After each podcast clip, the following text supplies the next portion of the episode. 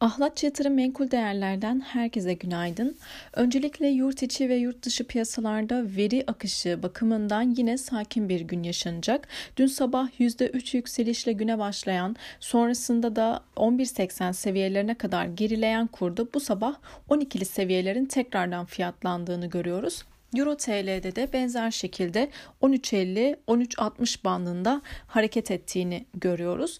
Kurda özellikle 12 TL seviyesi önemini koruyor. Buraların üzerindeki kapanışlarda tekrardan 12.25 e, ve 12.50 seviyelerinin e, gündeme gelmesi söz konusu. 12 lira seviyesinin aşağısında ise yine 11.50 destek bölgesi olarak takip edilebilir.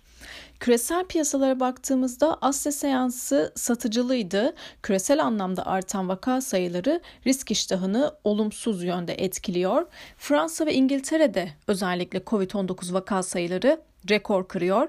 Yurt içi piyasalara baktığımızda borsada vade sonu satış eğilimi olduğunu görüyoruz. Özellikle bugün için 1850 seviyesinin üzerinde tutunması oldukça önemli. Bugün BDDK tarafından Ekim ayına ilişkin bankacılık sektörü raporu yayınlanacak. Avrupa'da öne çıkan bir veri bulunmazken Euro bölgesi için parasal göstergeler takip edilecek. Amerika'da konut satışları ve petrol stokları verisi piyasaların takibinde olacak. Herkese bol kazançlı güzel bir gün dilerim.